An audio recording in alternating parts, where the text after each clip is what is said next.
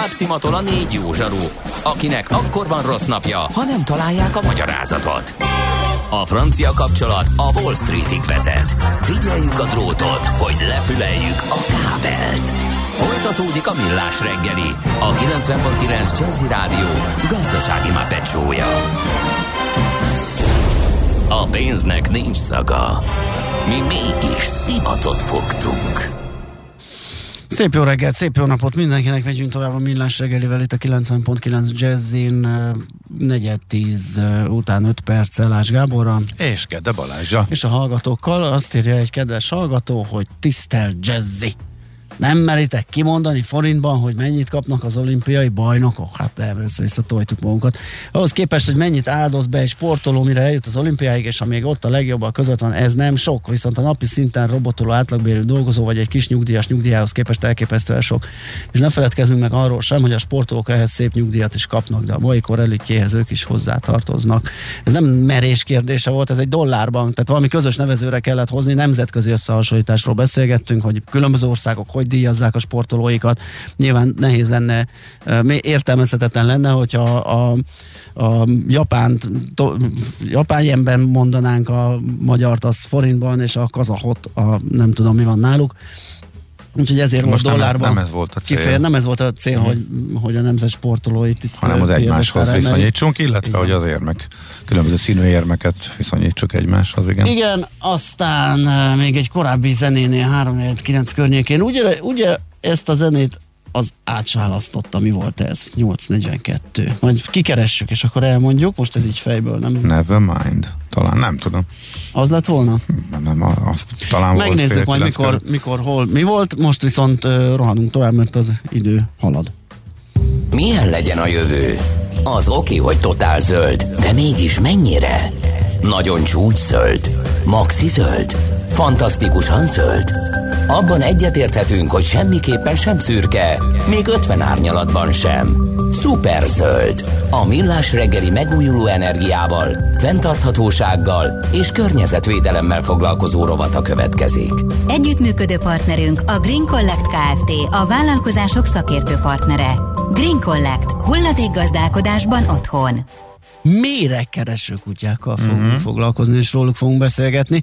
Nem tudom ki mit hallott róluk, de majd most megnézzük, hogy miben tudnak ők segíteni. Orbán Zoltán, a Magyar Madártani Egyesület szóvivője van itt velünk a telefonvonal túlsó végén. Jó reggelt kívánunk, szervusz! Jó reggelt, sziasztok, üdvözlöm a hallgatókat is. Na, méreg és tettem kereső kutyák, nem biztos, hogy mindenki hallott róluk, illetve az ő munkájukról. Kik ezek, és kik képzik ezeket a kutyákat? Mi a feladatuk? Az első parlagisas védelmi, illetve ragadozó madármérgezés ellenes live projekt keretében sikerült felállítani kontinensünkön azt hiszem a harmadik ilyen, Uh-huh. ilyen kutyás egységet a Madártan Egyesület keretében, és folytatják. Annyira sikeres volt ez, hogy a most zajló folytatásában ebben a Panonégő Live-ban már nem csak nekünk van ilyen kutyás egységünk, hanem a Kiskunsági Nemzeti Park igazgatóságnál is felállt egy egység, azt hiszem ott is két kutya a cél, illetve jól emlékszem, akkor a cseh kollégák is elkezdték használni. Ez arról van szó, hogy sajnálatos módon Magyarországon is mérgezik a ragadozó madarakat, és akkor ez a, ez a kutya, illetve pontosabban kettő, a három kutyánk van Modáton Egyesületnél. Ezek egyrészt megtalálják a különböző mérgeket, illetve megtalálják az állati tetemeket.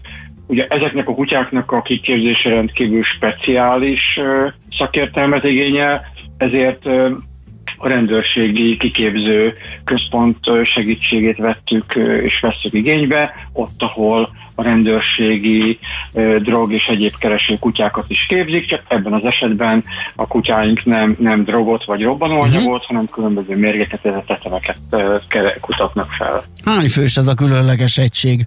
Tehát milyen típusú kutyák? Igen. volt? A Deák Gábor kollégánk a, a kutyáknak a, a vezetője. Az első kutya egy ö, német juhász volt, ő a, ő a, a Falkó. Uh-huh. Most van egy belga juhász. A harmadikban nem vagyok teljesen biztos, illetve egy annak csak a beszoktatása zajlik, ugyanis Falkó most már azt hiszem 7 éves lesz, és ilyenkor nyugdíjba kell menni, hiszen ezek a kutyák egészen elképesztő mennyiségű munkát végeznek el, és ugyanúgy, mint az ember esetében, hogyha valaki nagyon megterhelő munkát végez. Tehát ez nem úgy megterhelő, mint hogyha folyamatosan nem tonnákat cipelnénk, hanem az, hogy nap mint nap, éveken keresztül több tucat kilométert megtesz a kutya egy nap, és ráadásul eközben hihetetlen intenzitással használja az érzékszerveit és az agyát, egyszerűen állatvédelmi szempontból is az a jó, hogy ezek a kutyák olyan 7 év körüli korúban elmehetnek nyugdíjba, és így folyamatosan kell ugye a pótlásukról gondoskodni, és hát hiába nagyon speciális ugye a, a, a kölykök kiválasztása, de utána tényleg csak munka közben derül ki,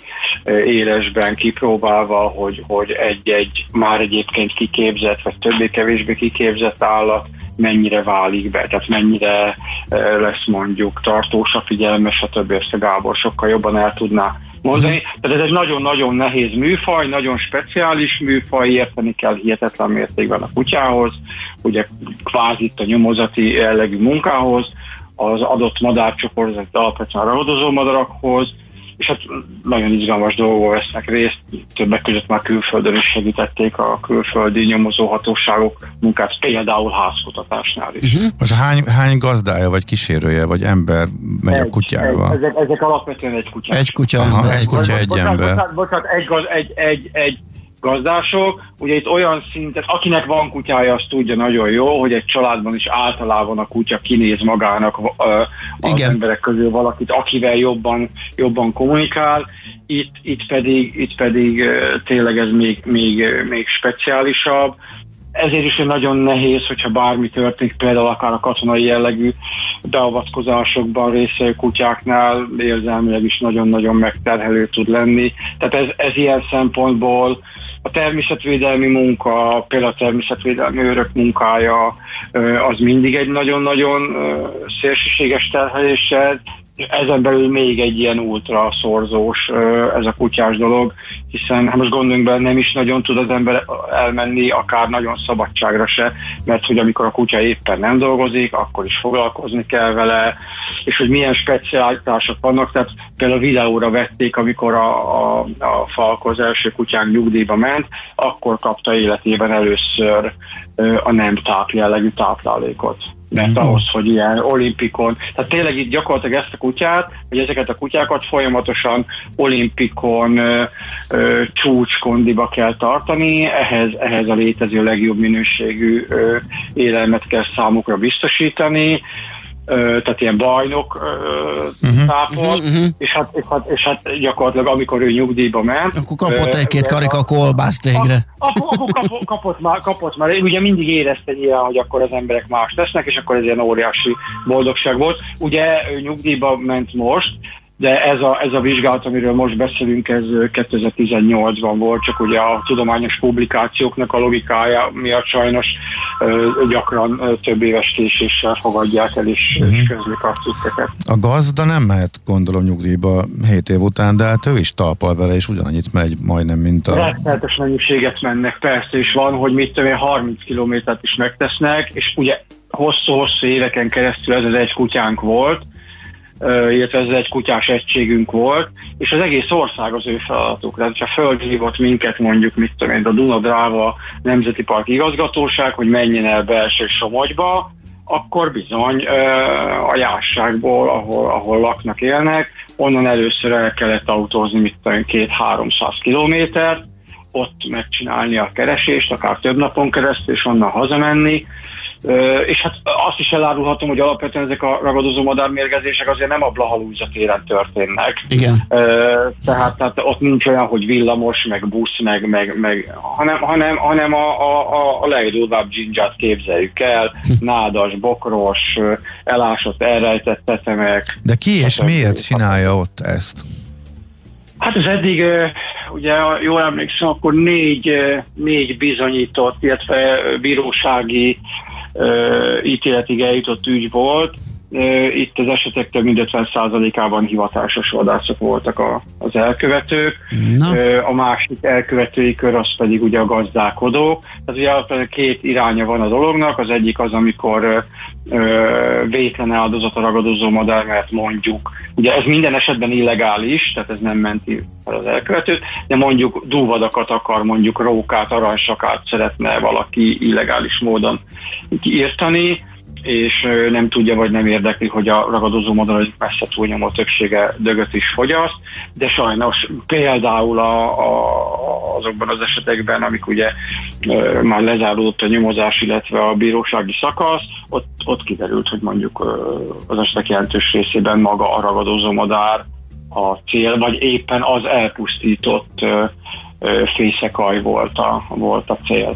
Uh-huh. Ugye van még egy terület, ahol bevethetők, ennek apropóján ö, kerestünk, ugye kaptuk ezt a sajtóközleményt, hogy a, az agrárium, a mezőgazdaság ugye az iparosodás a gépesítése révén ö, ezt a helyzetet is megváltoztatja egész pontosan azt, hogy az ott lapuló állatok, madarak ö, későn eszmélnek, ö, elég sebesen mozgó, dolgozó, nagy fesztávon ügyködő gépekről van szó. Régen az egy szemkaszáló ember elől jobban elugrottak, és hát bizony itt is vannak áldozatai ennek a gépesítésnek, ebben is segíthetnek ezek a kutyák ezeknek a felderítésében, hogy milyen fajok esnek áldozatul.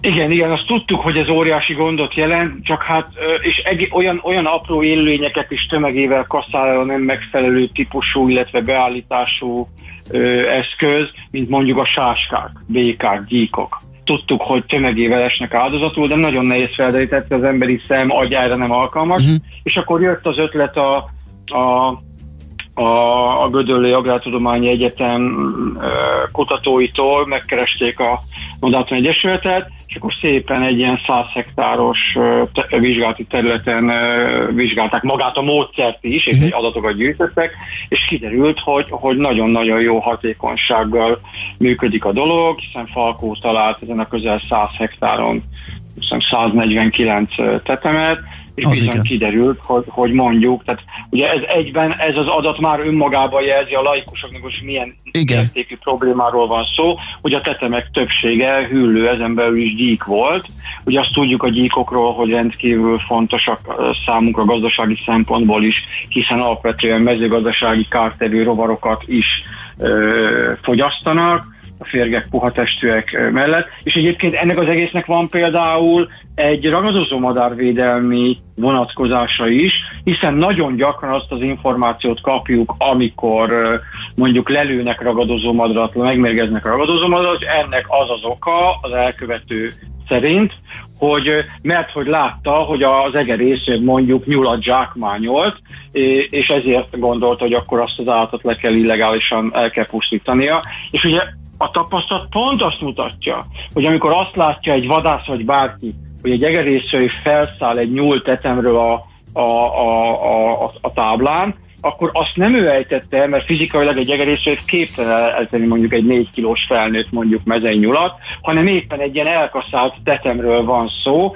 tehát hogyha ezt a kérdést sikerül adatokkal altámasztva is tisztázni, akkor így lehet küzdeni például a ragadozó madarak teljesen felesleges és illegális pusztítás ellen, mert hogy alapvetően az ilyen illegális cselekményeknek a háttérében vadászok esetében az a, az a képzetlenségi probléma áll, hogy ők azt gondolják, hogy hogy, hogy ő miattuk a ragadozó madarak nincs, miatt nincs mondjuk egy területen kellő apróvad, vagy elegendő apróvad, és hát például itt a vizsgálat kiderítette, hogy a vad apróvad fajok mellett még nagyon sok őz is áldozatul esik. Most gondoljunk bele az őzgida, ugye az egész viselkedése, az egész álcázó színezete, az azt a célt szolgálja, hogy amikor a suta az anyja elmegy legelni, akkor ott hagyja a gidát, aki mozzatlanul fekszik a, a fűben, vagy a, vagy a, a növény kultúrában, és gyakorlatilag neki az a programja, hogy ha jön egy zaj, egy veszélyforrás, akkor nem, nem fog elfutni,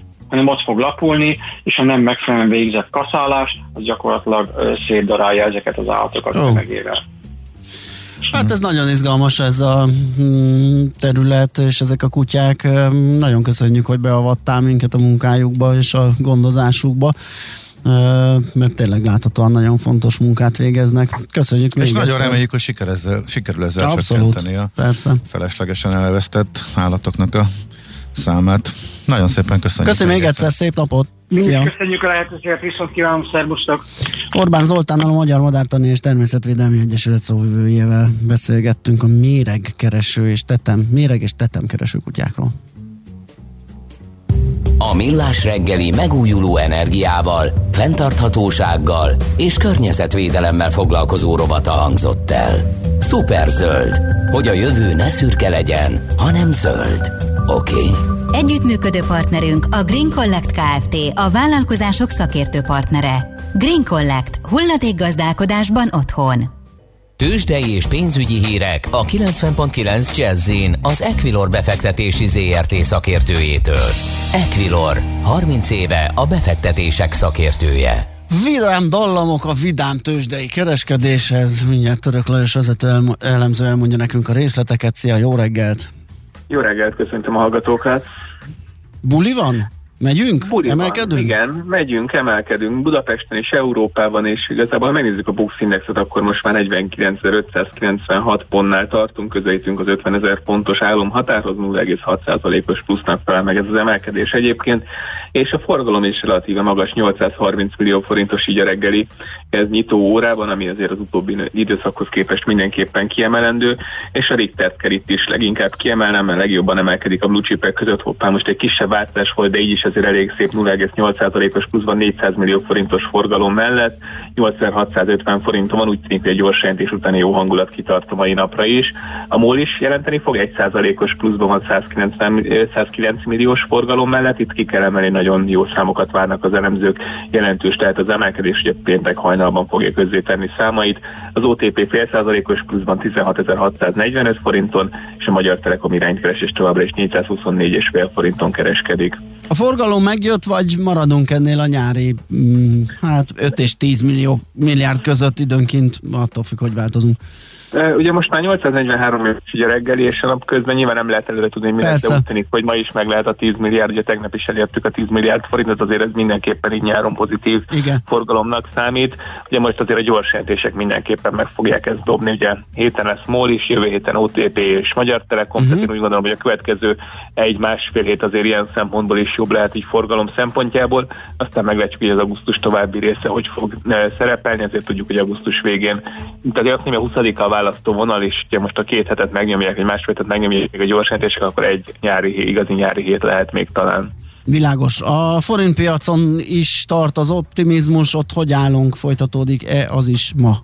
Is. Igen, úgy tűnik, ma is úgy tűnik, hogy folytatódik is, de nem, tehát folytatódik a forint erősödése, 354 forintot és 67 fillért adni egy euróért, azért ez szép, majdnem fél forintos erősödésnek felel meg, és a dollár is jelentősen most már 300 forint alatt van, 298 forint és 71 félért kell adni egy dollárért, az euró-dollár keresztársznyában nincsen jelentős elváltozás, egy dollárt és 18,74 centet kell adni, ez egy minimális dollárgyengülésnek felel meg, és egyébként az európai tőzsdék is jelentős pluszban vannak, a DAX Index 0,7, a Eurostox 50 0,6, és a franciák is több mint egy os pluszban, tehát jelentős erőt tudnak mutatni, a tengeren túli futures pedig irányt keresnek, a Dow és az S&P minimális mínuszban, a Nasdaq minimális pluszban, tehát ott még nincsen egyértelmű irány, az európai jó hangulat még ott nem jelent meg. Oké, okay, Lajos, nagyon köszönjük. Tényleg jó, Én akkor ezek szerint a hangulat, reméljük kitart a nap végéig. Szép napot Sziasztok. neked. Szia, szia, Török Lajos vezető elemzővel beszélgettünk. Tőzsdei és pénzügyi híreket hallottak a 90.9 jazz az Equilor befektetési ZRT szakértőjétől.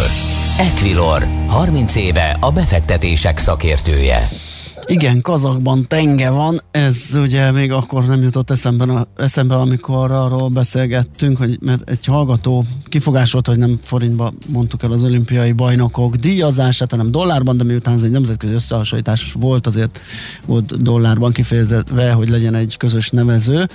És egyébként írt ez a hallgató, Szecsi, hogy értem a magyarázatot, egyébként csak a hallgatók tájékoztatása miatt vetettem fel a kérdést, mert nekem például új volt az info. Amúgy díjazom a rádiót, szerintem jó a műsorotok, évek óta szinte az egyetlen rádió, amit hallgatni bírok, hallgat egy másikat is, de jó, nem mondom el, hogy melyiket, ö, azt pedig hírek nélkül hallgatja. Hát köszönjük szépen, Szecsi, és ö, azt mondja, hogy volt még valami, amit be akartam osztani. Ja igen, a banános múltkor kiakadt, azt hiszem pont tegnap, ugye, hogy az Auer zenei fesztiválról beszélgettünk, ahol felhívta a figyelmet az egyik szervezővel beszélgettünk, hogy hogy mindenféle védettségi igazolás, mindenféle megkötés nélkül lehet látogatni a koncerteket, és egy hallgató kiakad, hogy na hát ez pozitívum, hogy, hogy nincsen. És banános most írja egy jó reggelt, ma miért nem írtál tegnapi okos tojás?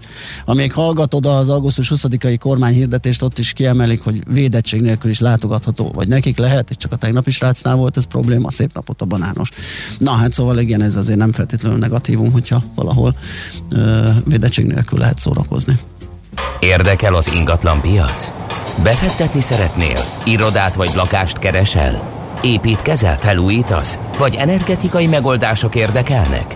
Nem tudod még, hogy mindezt miből finanszírozd? Mi segítünk! Hallgassd a négyzetmétert, a millás reggeli ingatlan rovatát. Ingatlan ügyek rálátással. Hát elkészült Németországban az első betonnyomtatással készült ház. Egy nagyon érdekes technológiáról van szó. Szóval, amikor elindult a nyomtató, akkor uh, mi beszélgettünk erről, meg lehet, hogy csak az hírt említettük, vagy éppen, hogy elmondtuk érdekességként. De most, hogy elkészült, és vannak róla képeink, akik, ha nézik a Millás tévét, a millásregeli.hu, majd fogják látni, hogy, hogy még klasszis. De hogy hogy készült, és egyáltalán mennyiben jövőre, jövőbe mutató eljárás ez a Stézsiás Miklóssal, a Peri Magyarország ügyvezetőjével beszéljük meg. Jó reggelt kívánunk! Jó reggelt kívánok, üdvözlöm a hallgatókat! Mondjuk el, hogy a Peri az milyen részt vállalt ebben, mert hát nem véletlenül hívtuk önöket. Hát a Peri ugye ezzel a Dán Kobod ö, ö, céggel van kapcsolatban, Aha. és hát közösen fejlesztették ki ugye ezt a, ezt a technológiát, és ami nagyon fontos, hogy ez ugye a megfelelő ö, cement alapanyag is szükséges, tehát itt a, szintén egy német cég, a Heidelberg Cement, aki egy IPEC 3D nevű cementet fejlesztett ehhez a, ehhez a technológiához. Ennek hígabbnak, vagy kevésbé szemcsézetnek kell lennie? Vagy mi, mi, a, mi adja a különbséget? Mármint hát értetően, tehát hogy nehogy valami vegyi, vagy valami te, komoly technológiai dolog.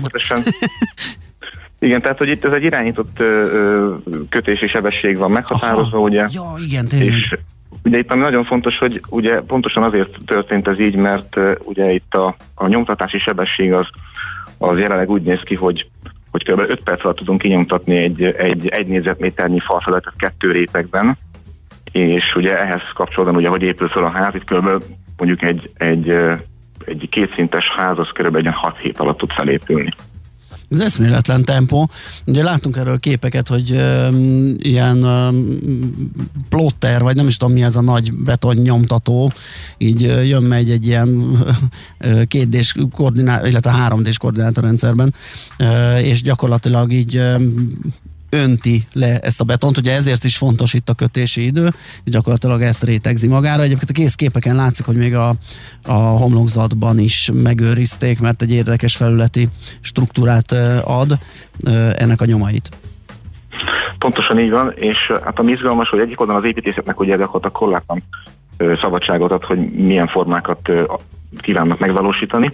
A másik oldalon, amit ön is mondott, ugye ez egy XYZ tengelyen mozog, tehát három dimenzióba, uh-huh. ugye, és ami talán érdekes így, így, így műszakilag, hogy a 10 méter szélesség az ugye egy, egy korlát, viszont hosszában bármilyen hozban tudunk gyakorlatilag építeni a szerkezetet, és úgy nyomtatni a, a az épületet. Aha, ez a sokféleség, ez, ezt jó, hogy említettem, mert nekem, a, a, hogyha valaki látja a képét, kicsit ilyen, ilyen Bauhausos, lekerekített uh, sarkó épületről van szó, mert nem pont az merült fel, hogy lehet, hogy ott a kanyarokat csak ilyen hívben tudja venni, nyilván ez egy hülye laikus megközelítés. Uh, ez a betonnyomtató, de akkor ezek szerint nem. Uh, gyakorlatilag tudunk bármiféle szöget is ugye kinyomtatni, az, ami nagyon fontos, hogy, hogy a szerelvényeket is előre be tudja programozni a rendszer. Ami érdekesség ugye ennek a háznak, ami most már elkészült, hogy például a kandallót is a nyomtató által kinyomtatva került a beépítésre. Hát ez marha jó. A sebesség az... Nem... Ugyanaz? Ugyanolyan, mint a hagyományos beton? Tehát ugyanolyan minőség, keménység? Hát természetesen ugye ennek van egy előzetes tervezése, ami alapján tudjuk, hogy abban éppen milyen ö, ö, receptúra szerint kell, a betont tudja betölteni. Uh-huh. Említett ezt a 10 méteres korlátot, hossz irányba nincs korlát, fölfelé, tehát milyen magasságban lehet ezt uh, terjeszkedni? Jelenleg 10 méter a magasság, amit ugye uh, ki tudunk vitelezni, Aha. és ugye hát itt az a nagy kihívás, és azt gondolom, hogy a jövőbe tekintően minden az a, az, azon, azon a megoldáson kell dolgozni a, a vállalatnak, hogy, hogy minél nagyobb felületeket és minél magasabbra tudjunk építeni ezzel a technológiával. Igen, na most a sebesség az, az nagyon ö, ö, jól néz ki, hogy 6 hét alatt elkészül egy ház, de a költségekkel mi újság, mennyire drága oda telepíteni egy adott helyre, mondjuk egy telekre egy ilyen nyomtatót, és oda nyomni egy ö, házat? Ugye, ahogy említettem is az elején, hogy ez egy nagyon az elején vagyunk ennek a technológiának. Aha, világos gyakorlatilag évtizedek óta fejlesztik e- ezt a technológiát, de ez, ami most nekünk rendelkezésre áll, ugye ez a, ahogy mondtam, hogy háromdimenzió portálnyomtató, ez, ez gyakorlatilag a világon a leggyorsabb nyomtató jelenleg a, a miénk, és uh, itt költségesről nem tudunk még egyelőre beszélni, a, a, folyamatosan a, a tanulási szakaszban vagyunk ugye ennek a technológiának az alkalmazásában, úgyhogy amit tudok biztosan mondani, hogy, hogy nagyon, nagyon kevés a munkaerő igénye, gyakorlatilag kettő ember a telepítés után ezt tudja üzemeltetni, és szerintem itt ebben van a jövő. Aha, mindenképp. Mi a következő? Ez most gondolom egy ilyen mintaház, amit be lehet mutatni akár már megbízóknak, vagy, vagy nem tudom milyen fázisban van ez a dolog. Hogyan tovább? Hát igazából három ilyen projektünk valósult meg. Ugye Aha. van az a, a, a projektház, amit ön is említett, van egy második ház, ami, ami ez, az, az már egy ötlákásos társasház, az már üzleti alapon épült, és bizony ott már beköltözésére vár ugye az ingatlan, úgyhogy az már, ez már gyakorlatilag élesbe fog működni, és az Egyesült Államokban is vannak, vannak már ilyen projektjeink. Hát ami érdekes talán inkább az, hogy, hogy itt most Magyarországról beszélünk. Aha, itthon mikor hogy, jelenhet meg? Igen, tehát hogy nyilván darabszámra korlátozott ugye a mennyiség, ami rendelkezéssel. Azon dolgozunk, hogy egy meglévő partnerünkkel egy, egy ilyen lakópark-szerű projektbe tudjunk több ilyen ikerház, társasház-szerű ingatlanokat kinyomtatni, de hát egyelőre a, a egyeztetési szakaszban vagyunk, ugye tervezésen múlik, ugye, úgyhogy dolgozunk rajta, hogy minél, minél elterjedtebb legyen ez a, ez a technológia. Nagyon klassz, az átadóra majd mennék megnézném, hogy milyen, milyen lett egy ilyen épület. Nagyon izgalmas ez a technológia. Nagyon köszönjük, hogy beszélgettünk erről. Szép napot kívánunk, és jó munkát. Köszönöm szépen. Viszont hallásra. Ézsiás Miklóssal, a Peri Magyarország ügyvezetőjével beszélgettünk Németország első 3D betonnyomtatással készült házáról, de hát amint hallottuk már vannak újabbak, és már társasházak is épülnek. Ez elképesztő. Már, igen, már, igen. már csak ahogy beszéltünk róla, hogy hát nyomtatok magamnak egy házat. Igen, ez őrület. Vagy, vagy, vagy, vagy nyomtassatok nekem ide egy házat. Igen. Egy lakást. Nekem rögtön az jutott az... eszembe, amikor arról, arról ö, beszélgettünk ö, többször így a hold kapcsán, meg hogy ugye, hogy onnan kéne átrajtoltatni a Marsba irányuló ö, űrhajókat is, uh-huh. hogy ö, ugye ott valami bázis kéne építeni, és ott is fölmerült, hogy 3D-vel, ottani alapanyaga, tehát nyilván nem a zsákos cementet kéne föllőni, és akkor uh-huh. abból ott beton keverőbe trugymákolni és malterozni, és pont, hogy ilyet le, oda lehet telepíteni. De olyan alkalmas az ottani kőzet, meg az hát, ottani... előbb-utóbb gondolom, hogy kinyerhető Aha. onnan ilyesmi, mert, mert hogy ez most komolyan szóban van, hogy ott van az asztalon alternatívaként, hogy ez, ez működik, és ez, ez, ez, ez csinálja. Nagyon klassz. Négyzetméter ingatlan ügyek rálátással. A millás reggeli ingatlan rovata hangzott el. Na jó, hát ez fért bele mára. Holnap majd újra kezdjük fél héttől. Mondjuk már én nem, én már csináltam elég millás reggelit az elmúlt napokban, de vagy itt a kollégák. Jöttem, leváltalak. Át, átveszik, köszi szépen. Ö, aztán még majd valamikor augusztusban azért nekem is lesz még egy ilyen egyhetes maraton, de most már kezd kicsit szellősebb lenni a beosztás. Na, nem sírdogálunk itt, hanem átadjuk a terepet. És mit tanulnak, hogy híreket mondjon, utána pedig... Aki szépen beintegetett nekünk be, az ajtón egy méretes kávés bögrével a kezében. Beintegetett nekünk egy méreteset. Igen. Na, uh, szóval... Olyat is most már, de és a nyolcadik kávéja közben kajánul vigyarog. Úgyhogy Úgyhogy egy, egy kis életképpel Igen. köszönünk el akkor már. Mindenkinek nagyon szép napot kívánunk, sziasztok! Már a véget ért ugyan a műszak, a szolgálat azonban mindig tart, mert minden lében négy kanál. Hol Holnap reggel újra megtöltjük a kávés bögréket, beleharapunk a fánkba és kinyitjuk az aktákat.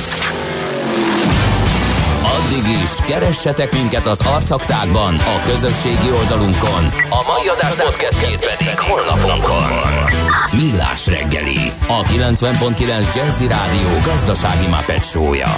Ha csak egy műsorra van időd idén, tégy róla, hogy ez legyen az. Csak egy dolog lenne még. Műsorunkban termék megjelenítést hallhattak.